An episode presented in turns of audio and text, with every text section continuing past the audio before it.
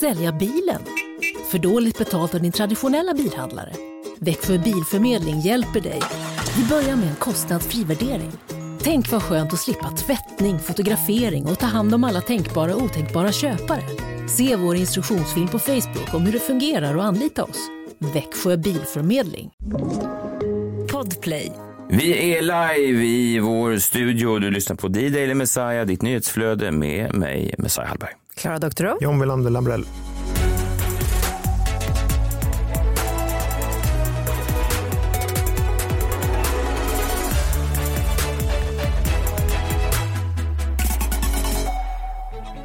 God morgon på er eh, tisdag. Igår eh, blev det klart, i alla fall enligt eh, sporttidningen i Madrid. Martha. Martha. Är det så man uttalar det, John? Marca, tror jag. Marca? Jag vet Nej, Marca. Marca, Martha. Fall. Cristiano Ronaldo eh, verkar vara klar då för den saudiska klubben Al Nasser. Nej, nej, nej. Är det inte klart? Nej, det kom ju ut en dementi nästan direkt efter det där kom ut från Piers Morgan. Oj, men ingen står väl eh, Cristiano Ronaldo närmre än Piers Morgan? vilken märklig person att dementera ett fotbollsrykte. Men han är väl typ hans manager nu antar jag efter den där intervjun. De var ju så himla gulliga. Det kan ju finnas, Ja, Marca ja. är väl någorlunda respekterad. Men Martha. Martha, jag vet inte, är väl någorlunda respekterad. Men eh, Vet du vad, nu krossar du mitt hjärta. Du vet, jag vet inte om du känner till det. det ja, men det kom ju ut då igår. Jag, jag såg inte att Piers Morgan hade dementerat det. Det kom ut igår då, eh, någon gång på, på förmiddagen där, att Ronaldo då var klar för saudiska klubben Al Nasser. Och eh, värmde ju mitt hjärta. Jag vet inte om du vet det, men jag, har ju länge varit ett stort fan av, av Al Nasser. Och, eh, Va? Ja, jag Av Saudi? Ja, Saudi, det är min saudiska favoritklubb. Just den Al klubben, Nassr. Och, ehm, jag började drömma om de här gyllene årgångarna, liksom 97, 98 eller 01, 02 när vi då vann både saudiska ligan och kuppen tog den så kallade dubben. Eh, och vi var också nära då att ta trippen, den arabiska halvkuppen. Och då hade vi då uppsättningen Yusuf Falco Fofana, Virko Figdoreda och Ratvan Kostic på topp. Eh, och det var ju tre importer då som var mm, alltså, utlands ifrån. De var inte saudier själva. Så man hoppades ju att Ronaldo skulle kunna vara inne där och nosa kanske på en Figueiredos, eh, en sån gyllene. rekord. Ja, rekord. Han gjorde 37 mål då. det, det är ju lite spännande i saudiska ligan. Det är bara två lag, så man vinner ju vartannat år. Men just de där åren, och man möter bara varandra då? ja. Så att det är ju, Eller är det bara en match per säsong? nej det är 12 matcher. Ja, okej. Nej. Jo, Sex hemma och sex borta. precis. Men det är egentligen en arena Samma. Ja, Ja, så att det, det är svårt att säga. Det är som när Inter och Milan möter varandra. Ja, Samma arena. Ja. Jag älskar Nasser. Jag hoppas verkligen att Ronaldo kommer dit. Det vore kul att få verkligen ta på mig den där grönvita halsduken igen. Vi går ju, det är, lite, det är inte så många som känner till det. Hammarbyarna går ju då första april eller när fan det är. Allsvenskan kommer igång så går de ju då från Medborgarplatsen i Stockholm ett långt sånt grönvitt tåg.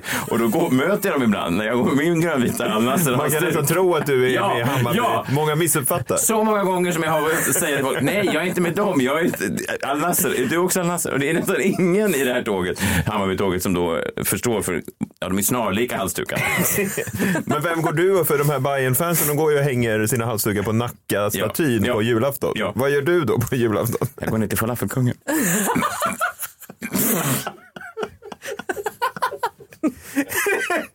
Och hänger halsduken? på, på det här kebabspettet? Ja, ja. Shit, vilken tradition. Det Ja. hör man ju så sällan om. ja nej, det finns inte så många som är så lojala Al Nasser-fans som jag i Sverige. Men, men så är det. Och vi får hoppas att det stämmer då. Att Piers Morgan har fel. Ja, annars så är det, kommer det bli sorgens dygn såklart för oss. För vi har Nej, ju, inte så mycket för Oscar som mest för dig. Ja, men för oss som stöttar Al Nasser. Mhm. Al Nasser-fans. Nasserinis. Nasserinis. Nasserinis. Mm, spännande tider i Saudiarabien. Hoppas det inte kommer ut någon skit om Saudiarabien också. Man måste ta avstånd från det här jävla laget. För då...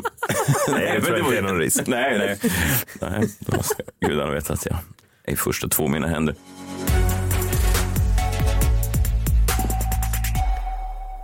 Ja, vi jobbar ju fortfarande fram en, en, eh, ny Jombola-vinjett. Jag har inte råd till det, jag har inte haft tid faktiskt. Men än så länge så får vi, ja, får vi nöja oss med den här. Kom närmare, kom närmare, var inte rädda. Allt kan hända, allt är möjligt när vi spelar på vår jombola. Varje dag så eh, har du en nöjesspaning, du tar en lapp och på lappen står det någonting och så måste du blixtsnabbt komma på någonting på ämnet. Vad hände med min eh, favoritjingel där? Ja, precis. Den försvann. Det är Jag som vet. att det är liksom... Nej, nej, men... men Ibland känns det Vi som har ju att inte valt den. Vi bara är ju liksom tre i dödar- studion. Vi måste ju vara överens Ja, men vi var ju överens om den. Vi var inte överens. Henrik Karlsson hette han. Har du lyssnat? Du Ja, hade ett han- önskemål. Henrik Karlssons vill jag ha. Ja, vi ska... Utan den där i slutet. Det har även, kom, det har även kommit in, Mr Winkfield har hört av sig igen med en ny version. Och, eh, Han är verkligen Han, är- på han det. vill verkligen ha. ja. ja.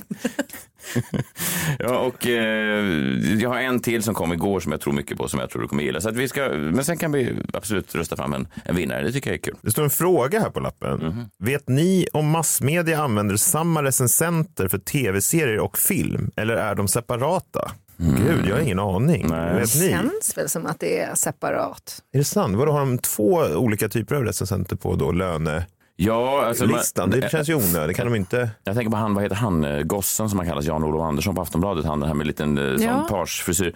Han recenserar väl i och för sig film mestadels, men Ja, och Carina ibland... Fjällborg är ju serier. Ja, hon är med i serier. Ja, det kanske är olika. Mm.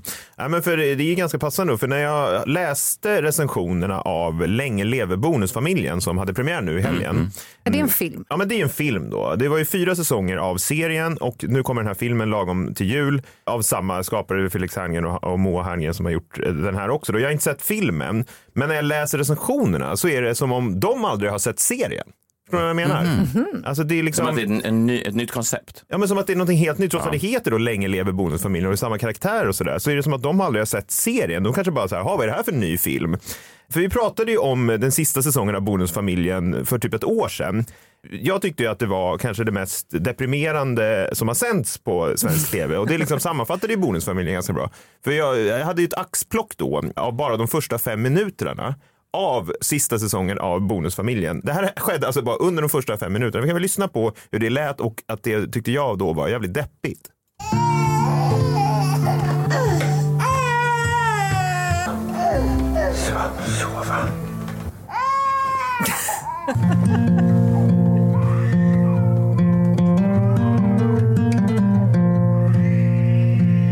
Vissa har varit uppe sedan halv fem.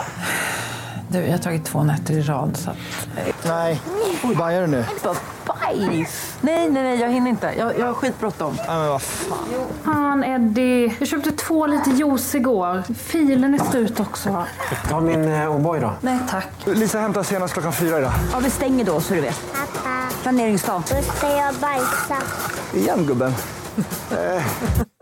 Ja, så här, var, så här är ju liksom Bonusfamiljen egentligen hela tiden. Så här är också livet. Ja, det är ju det. Jo, precis. Ja, ja, exakt. Eh, Men därför tycker jag det är så märkligt när jag läser recensionerna. Vi börjar då med Aftonbladet. De skriver så här. Efter fyra framgångsrika säsonger i SVT går Bonusfamiljen i mål med en långfilm på bio. Då väntar man sig kanske Bonusfamiljen med lite extra allt, men får istället raka motsatsen. En lite deppig historia. Förlåt, raka motsatsen? Nej, nej. Det är deppigt. Har ni inte sett serien? Vad fan har ni sett för serie? Och sen så då kulturnyheterna. Vi har Fredrik Salin, eh, SVTs recensent. Han säger så här då om filmen. Han är inne på samma spår. Det, det, det blir situationer som man själv kan liksom dra sina erfarenheter till. Eh, roligast av allt, det är att filmen är så pass deppig som den är. Det är faktiskt att den, den är ganska modigt för att det här är en film som tar sig ner ganska långt ner i moll.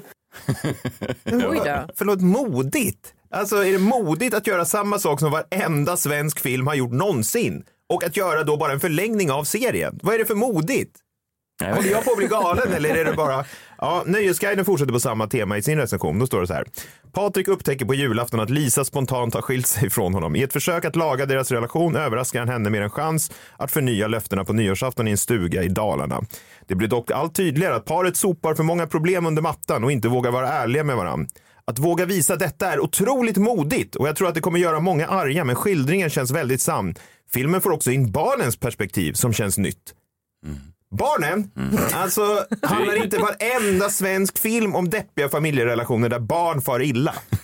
Kan ni säga en film som inte handlar om det? En svensk film? Nej, just det. Nej, no, Och no. återigen, det här modigt. Vad är det som är modigt? Att göra en film på samma tema som serien? Skulle det inte vara modigare att inte försöka skildra barnens perspektiv som far illa? Ja, kanske. Ja, den enda som i alla fall verkar ha sett serien, det är Expressens recensent som skriver så här. Eh, svärtan, i- svärtan i Länge lever bonusfamiljen är en besk medicin som jag tror kräver att man har följt serien och dess mångfacetterade karaktärer från den lite lättsammare starten. Mycket är tungt, vilket man försöker kompensera för med lite väl utstuderad komisk lättnad från andra smått hysteriska karaktärer.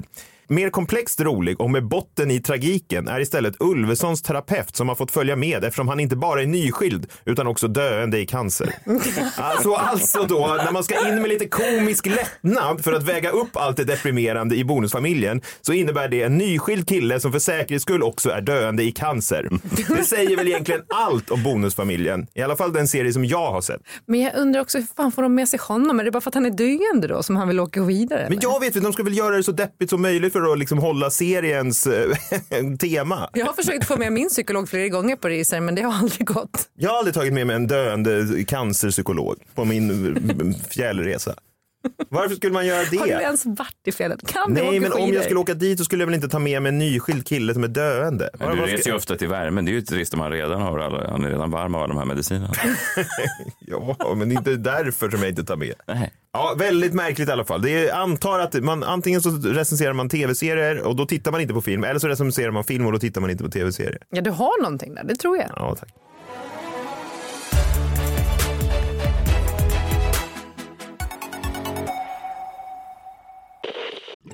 Aj, aj, aj, det kluckar i rören. Men det är väl inget att bry sig om? Jo, då är det dags för de gröna bilarna. Spolarna behöver göra sitt jobb. Spolarna är lösningen. Ah, hör du? Nej, just det. Det har slutat. Ett poddtips från Podplay.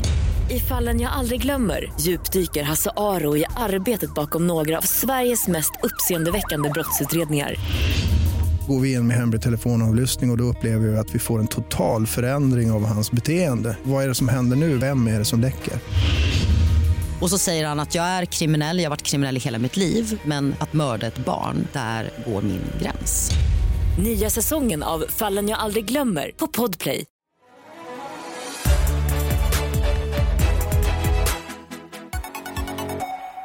Igår eh, i minuten pratade jag ju om eh, en nyhetshändelse som kanske inte var en nyhetshändelse. Såg ni att jag la ut det på vår Instagram också, den här killen som vägrade titta på fotbolls-VM och han då highlightade det genom att sitta och hålla upp en iPad där, han, där fotbollen Som han inte såg. Men han tittade bestämt, distinkt åt andra hållet Ja. för, för att visa, markera. Här tittas det minsann inte på. Nej, men han hade ändå streamen igång där. Jag vet, och då påtalar jag kanske att, det kanske att någon borde tala om för honom att jag tror att en stream är en stream oavsett om ögonen vilar på skärmen. Ja, om inte tekniken har kommit så långt att den bara räknar ögon. Men det inte, tror jag nej, inte. jag tror inte det. Men vet du vad, jag tror att jag kan toppa eh, nyhetshändelsen, eller icke-nyhetshändelsen från igår eh, i dagens eh, minut.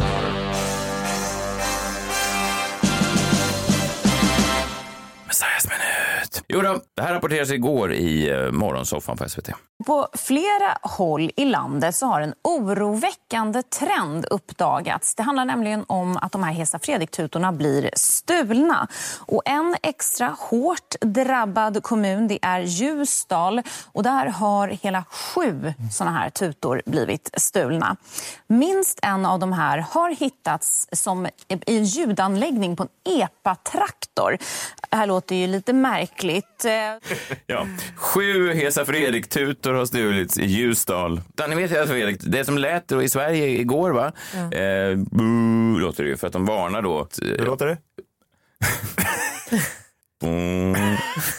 Men det låter väl typ så? Ja, något liknande. Ja, tack. Precis, och de riskerar då att vara utan det ljudet nu för att, ja, för att de då inte har tutorna, för att någon i Ljusdal har så tråkigt att man då går och stjäl Hesa Fredrik-tutor och sätter dem på sin epatraktor. Ja. ja, men lite kul måste man ju få ha också. Även om man bor i Ljusdal. Ja, och eh, lite kul tycker också programledarna i eh, Morgonstudion att det är, det är ju han den otroligt älskvärda Pelle Nilsson heter han va? Ja, Mannen som, han, har, han har inte bara en räv bakom örat, han har en hel rävfarm ser han alltid ut. Han, har- han är så otroligt, han är så charmig och han har svårt att hålla sig för, det är ett långt reportage, det är tio minuter som de då måste tvinga sig igenom de här stockholmska programledarna och det märks ganska snabbt att de inte egentligen de kanske inte tycker, alltså förstår du menar? Det är någon nyhetsmänniska som har sagt det här är ju allvarligt förstår ni. Mm. Det är en allvarlig grej om Ljusdal blir utan Ja, Fredrik. Skratta inte bort det här. Skratta inte bort det här. Men man ser att Pelle Nilsson, han alltså, småler sig ändå igenom.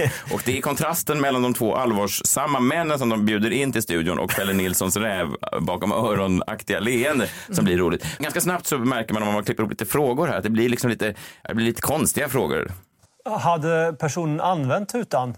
Ja, vad är det som gör att man vill stjäla en sån här Hesa Fredrik-tuta? Visst, mest i Ljusdal uppenbarligen eftersom så många har stulit. Det låter ju lite dråpligt på vissa sätt, men, men skulle det här kunna få liksom allvarliga konsekvenser för säkerheten i er kommun? Du Anders, att en Hesa Fredrik-tuta då har stulits eh, och kopplats till en epatraktor då på, på en, eh, eh, i det här högtalarsystemet. Det låter ju kanske lite som en oskyldig stöld, men, men hur allvarligt är det här brottet egentligen? De har ju då... Jävla långvarig, eller liksom. Nej, men det, det, de famlar ju efter orden för det man de egentligen vill säga är ju det är lite jobbigt att ni har lagt in tio minuter och det här. Alltså, alltså, ja. ja, alltså, ja, nej men ja, verkligen. Mm. Men tänk också de som sitter med de där Hesa Fredrik-tutorna måste ju vara hörselskadade nu. Men de sitter precis vid dem. Ja men de är ju på bilen. Ja. Men Jag visste inte ens att det fanns Hesa Fredrik i Ljusdal. Alltså, vad, vad menar Men det finns väl överallt? Ja, men vad menar du att någon ska attackera Ljusdal? Nej, men de, de, om ryssen kommer så vill även Men ljusdalingarna. Ju- Nej, de kommer till till hela. Sverige. Ja, de kommer till Stockholm, så passa Ja, på men nu jag tror Ljusdal. bara att Hesa Fredrik behövs i Stockholm. Nej, men att ryssen vill åt Ljusdal? Nej, de nej har att, bandy, även, de, bandyguldet. att även de i Ljusdal ska få veta att ryssen har tagit Ja. Gotland till exempel. Eller att det har läckt ut gas. Någon försöker ha ihjäl alla ljusdalingar. Jag vet inte. Jag, men, Ja, du hör ju, det håller ju inte. Nej, men jag vill, jag vill inte skoja bort det. Jag förstår givetvis också, alltså, i- om man plockar bort alla, alla larmapparatur i Sverige, så att det kan få konsekvenser. Men det blir bara lite roligt just när man måste mjölka ett segment som uppenbarligen kanske håller för 20 sekunder, som ändå bjudit in två gäster. Ehm, ja, precis. Frågan här då är, är det allvarligt? Eh, Pelle Nilsson i studion tycker väl det kanske är sådär allvarligt. Tror ni att Peter Nystedt på räddningstjänsten i Ljusdal eller Anders Johannesson som är enhetschef på Myndigheten för samhällsskydd och beredskap. Vad tror ni de tycker? Det är ju ytterst allvarligt tycker jag att man skär med den typen av utrustning som är tänkt för att användas för att varna allmänheten vid en hastigt uppkommen situation. Men, men alltså, om vi, vi ska komma dit strax, men vad, vad, vad har de andra sex tagit vägen tror ni? Ja, jag fattar att, det, att du säger att det är allvarligt, men vad är de här jävla tutorna? Ja, det är i och för sig lite intressant. Ja, det han ställer de roliga Ja, det var ju Ja, intressant. verkligen. Vem fan är de? Alla IPA-traktorer så har ni ju svaret. De har bjudit in inte bara en, utan även två män då som tycker att det är mm, på allvar. Ja, det är klart att det här är ju allvarligt, precis som vi hörde nyss. Eh, vi får vita fläckar på kartan där vi inte kan varna allmänheten för en eventuell fara som kan dyka upp. Så det är ju ytterst allvarligt att man eh, stjäl den här formen av utrustning. Pelle Nilsson gör ju sitt journalistiska jobb. Han ställer ändå frågor här. Hur pass allvarligt är det här? Kan du berätta för mig? För man ser på Pelle att han kanske tänker, jag bor i Stockholm, det kanske inte är så allvarligt för mig, men hur, ofta, hur allvarligt är det? Eh, Hur ofta eh, använder man de här Hesa Fredrik egentligen? Men du, jag undrar för att eh, jag tycker man hör ju de här, de här måndagarna klockan tre, men hur ofta används de annars egentligen? Det är en legitim fråga. Eller hur? Då vill man ju att de här männen som säger att det är det mest allvarliga som någonsin har hänt i Ljusdal säger de används faktiskt varje dag, men så är det inte riktigt. Eh, Ja, det händer lite då och då att de används. Eh, Ett VMA går ju oftast ut som bara ett meddelande via Sveriges Radio eller SVT och i de eh, digitala kanaler som finns. Men tutan används någon gång per år ändå så att, för att påvisa ytterst allvaret i den fara som uppstår. Någon gång per år kanske. han. Men, Det- vadå? Nej, men, vad menar du? Det kan ju inte stämma. Vadå? Vadå, går, tu, går Hesa Fredrik en gång per år, alltså utanför då testnings... Varför det? Vadå, jag har ald- det har väl aldrig hänt? Nej. Att Hesa Fredrik har... Nej, det, det är det han säger. Säger Men du emot eh, Nej, men han- han ljuger ju. Kanske mycket fabriker och giftiga ämnen Nej, och sånt. nej, han ljuger här. För han kan ju inte säga att den har aldrig använts. Och typ så här, och om ryssen kommer så kommer jag inte stå där och trycka. Köper inte du hans svar lite då och då? Nej, men han ljuger ju här. Ja. En gång per år. Ja, ja, men, det, men okej, det, det är inte så ofta i alla fall som den används ändå. Menar, även om det bara är en gång per år så är det ganska sällan. Ja. Det är inte, inte, i varje, det är inte varje dag, det är inte varje vecka. Men eh, de kanske är, svår, de kanske är svåra att ersätta. Hur, hur är det att ersätta dem? Har ni nya bara att hämta eller hur funkar det? Ja, vi har ju alltid ett, eh, ett visst lager med sådana, eh, sån utrustning liggandes. Ja, det hade de, så det var, det var, det var inte så. Men de, men de kanske är jättedyra, det kanske är det det är. Är de dyra de här? Jag skulle väl säga ungefär 25 000 kronor styck, så de är inte så jättedyra. Nej, de är inte dyra. Och vi har hur många som helst och den ringer aldrig. Men det är ändå det allvarligaste som någonsin har hänt i Ljusdal. Men frågorna fortsätter och nu blir de allt mer fåniga. Ni då, vad gör ni för att stoppa de här tuttjuvarna? Tuttjuvarna. Ja, vad gör man nu i Ljusdal? Marodörerna. Man har, satt, eh, ja, man har satt några masterminds i Ljusdal på att försöka komma åt uh, tuttjuvarna och se till att det inte stjäls några fler tutor såklart. Vad har man då använt för olika verktyg? Ja, vi har ju gjort vissa åtgärder. På en plats har vi haft stölder två tillfällen och där har vi satt dit eh, ett långt stålrör då och förhöjt upp eh, tutorna här. Men eh, det hjälpte inte på det stället. De byggde ett långt stålrör. För vad få betyder upp- det? De höjer så att man tutorna inte skulle kunna nå, Nå dem, ja. Och så var det en jättelång kille i Ljusdal som ändå nådde upp. De kriminella genierna, tuttjuvarna i Som har Ljusdal. ställt sig på varandras axlar. Det är sådana influgna ligor från Baltikum som har köpt en stege. Och säger glöm inte det Dimitri, om du vill stjäla tutor i Ljusdal, då är det bäst att ta en stege för genierna har nu satt upp dem lite extra högt upp. Hur mycket kostade den här långa stålbalken? Man undrar om de inte gick back bara på själva stålbalken. Vad vet jag, eh, det är i alla fall några tutor på vift i Ljusdal. Har ni sett dem? Hör av er Eh, och också kudos till eh, dem i studion med SVTs morgonsoffa som lyckades mjölka det här segmentet som kanske skulle ha hållit för 30 sekunder till 10 minuters rafflande underhållning. Stort tack till er båda för att ni var med oss den här morgonen. Och klockan tre i eftermiddag då kommer alltså Hesa Fredrik att ljuda över landet igen. Förhoppningsvis också på alla platser runt om i Ljusdal. Mm.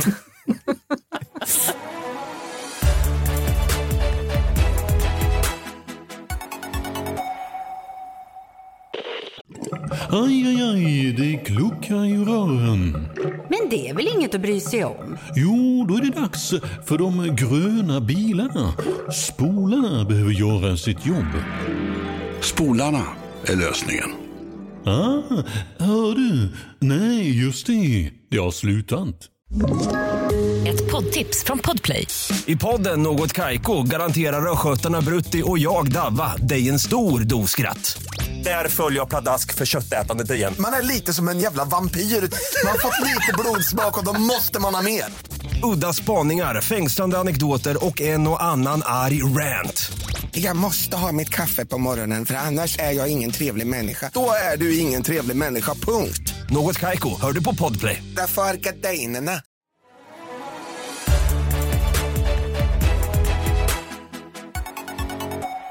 Det är svårt att säga tuttjuvarna utan att börja skratta.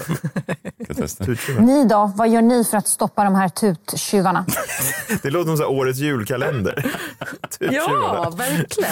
På tal om julkalendrar, dags nu att öppna lucka fyra i Klara-kalendern. Om ni har köpt den här hemma så är det då, ja det är ju egentligen då eh, lucka eh, sex, alltså det är 6 december. Ja, jag kör bara vardagar. Ja, du kör bara vardag så att det blir liksom lucka, precis. Men den fjärde luckan i Klaras julkalender. Hur allvarligt är det att det inte sammanfaller med datumet?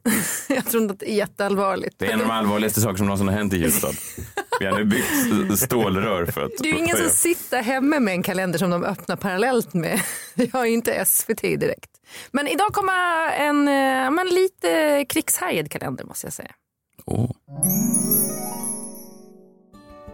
Idag befinner jag mig känslomässigt i Ukraina och det är lätt att bli väldigt rörd när man lagar deras julrätt. Det här är alltså en rätt som de har på sitt julbord på julafton. Kutcha är en slavisk gryt som sägs ha ätits i någon form då de senaste 5000 åren. Och man äter den på julafton och den symboliserar ett frodigt och lyckligt kommande år. Och dessutom har varje ingrediens en egen innebörd. En traditionell kutcha görs med eh, vetekross, vallmofrön, valnötter, russin och honung. Jag tänker att jag lagar så får vi eh, kika på det.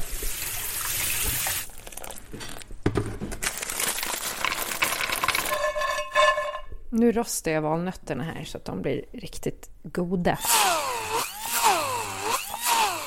Mm, och mixa vallmofrön var ju lättare sagt än gjort kan jag säga. Helvete, jag tror jag brände valnötter. Nej, de är nästan okej. Lite för svarta. Jag tog ett traditionellt recept och jag hade i lite salt själv för det saknades. Eh, men nu ska vi se hur det smakar. Det ser väldigt lovande ut även om jag inte tror att jag har fått till konsistensen så som det ska vara. Vi ska se här. Mm, wow. Alltså, nej, den här är fantastisk. Fan vad god den var. Väldigt nyttig, eh, smak från honungen, eh, russin. Inte så mycket smak kanske från vallmofrönen som jag hade trott. Faktiskt en helt fantastisk gryt och väldigt julig. Så gör den hörni där hemma. Jag ska få till konsistensen bara men den här kommer jag absolut laga igen. Kanske en fin juldagsmorgontradition. Med det så önskar jag Ukraina en god jul, så god den nu kan bli. Och vi kanske ska tänka en extra tanke på och donera lite pengar till ett välgörande ändamål som stöttar Ukraina och deras kamp för frihet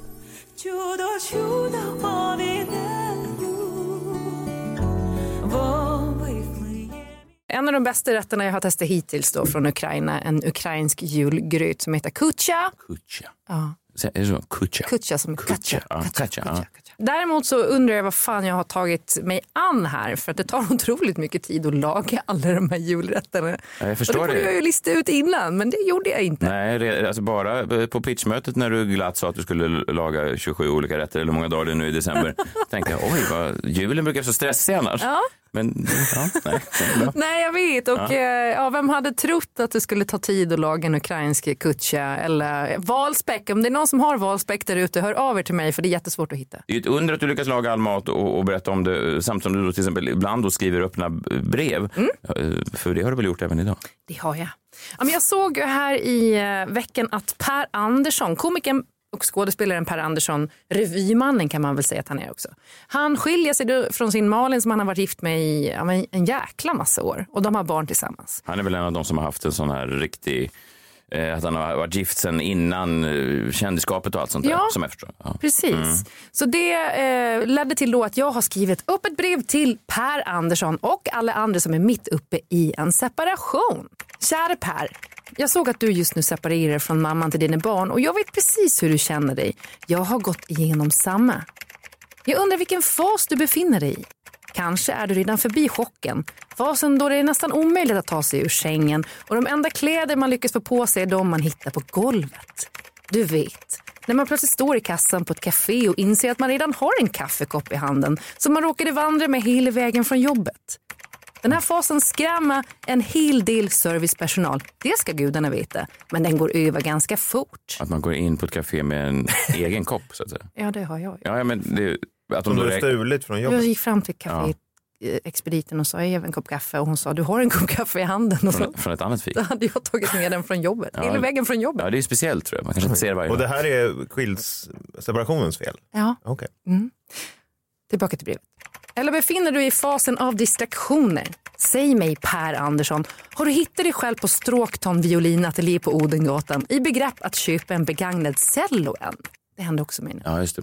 Det är inte säkert att Per just nu står i en sån eh, cellobutik, men, men det, att det händer konstiga grejer menar du? Ja, det gör Att det liksom, man ändrar det man känner Ja, men till? distraktioner. Ja. Man, kommer, man måste liksom hitta på någonting annat att Mm. göra bara få tankarna på något annat. Och då kanske cello låter som en jättebra idé, men de kostar typ 25 000 och de är jättestora. Just det, och lika bra med selleri. Det är nyttigare om inte annat. Mm. Här någonstans så kommer in dåliga sällskap, tillfälliga förbindelser. Du kommer hamna på efterfester en helt vanlig vardag och sitta uppe till gryningen och dricka starksprit med någon som kallar sig Bongo. Oj. Du tror att du behöver det. Lev lite. Men det kommer i retrospekt att kännas som det absolut mörkaste kapitlet. Tro mig. Nästa anhalt, jo då är det dags att sluta kryka bort sorger och skaffa en revenge body på sats. Det är kul att vara rippad och jösses vad man får ligga. Men det är inte en kropp du kommer behålla över tid. Ingen med hjärna som inte tävlar för OS pallar träna två gånger om dagen, sex dagar i veckan. Du kommer kunna dela upp gymmet i de som kommer dit ibland och är helt normala, de som just skilt sig och de som har en skivstång där det brukar finnas en hjärna. Oj, jag ersatt hela... Ja. Mhm. Sista anhalten är när du en dag känner att du kan andas precis som vanligt igen. Plötsligt händer det. Du behöver varken din cello, krykat eller hämndkroppen. Livet kommer lunka på och du kan se en film från början till slut för första gången på kanske ett år. Du kommer dit Per. Och alla ni andra som lyssnar och är någonstans på skilsmässoskalan nu. Jag lovar. Med lite tid och en jävla massa dumma beslut blir det bra igen. Styrkekram, Klara. Ja, Ja. Fint. Jag, men det är en jädra tuff tid. jag kan tänka mig. Jag undrar hur Per kommer... Vi pratade ju förut när han skulle vara med i, i Stjärnorna på slottet och om man har träffat Per lite grann så vet man att han är väldigt... eh, Han har mycket geist och det är alltid så väldigt eh, spralligt med honom. Ja. Så. Eh, och vi pratade ju när han var med i Stjärnorna på slottet om han har, har något mörker. Han hade ju lite mörker, men det var också mycket sprall. Liksom, sådär. Eh, så man undrar ju hur han då hanterar det här. Det får han ju hantera som, som, som han vill. Men, Men då borde han egentligen varit med i eh, Stjärnorna på Ja. slottet efter Ja. det här. Han- Då, nu kommer mörkret då, enligt, ja, enligt dig. han Ja, la mörkret kommer. för sent. Det kommer alltid Ja, ett precis. mörker. Och om man inte dyker in i det direkt så kommer liksom jag i fatten sen. Det tror jag. Mm. Man måste gå igenom det där mörkret för att ta sig ut på andra sidan. Någon gång kommer det, jag lovar. Ja, det låter, låter härligt. Jag ser, ser fram emot det. Vi eh, hörs imorgon då. Ja, det Ja, ja. Och eh, Per, eh, vi brukar, vi kan inte prata om dig varje morgon. Om du vill bli mer upplyft så kan det vara andra ämnen, till exempel imorgon. Då. Vi bjuder in Per kanske någon dag. Ja, varför inte? Ja, men så att det inte bara blir mörker. Nej, liksom. nej, verkligen. Det är bra. Imorgon är det också Framtidsmannen. Då får vi hoppas att han inte kommer med så mörk. Han brukar alltid ha så mycket kul med sig. Eh, och han har lovat mig nu imorgon att det ska vara riktigt mycket sådana spännande, positiva grejer inför jul. Så det ska bli kul. Vi hörs då. Ta hand om er. Eh, hej, hej. Hej! Hej!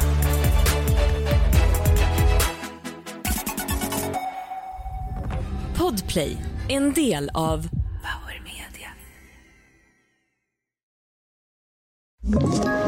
Ett poddtips från Podplay. I fallen jag aldrig glömmer djupdyker Hasse Aro i arbetet bakom några av Sveriges mest uppseendeväckande brottsutredningar. Går vi in med hemlig telefonavlyssning och, och då upplever vi att vi får en total förändring av hans beteende. Vad är det som händer nu? Vem är det som läcker? Och så säger han att jag är kriminell, jag har varit kriminell i hela mitt liv men att mörda ett barn, där går min gräns. Nya säsongen av Fallen jag aldrig glömmer på Podplay.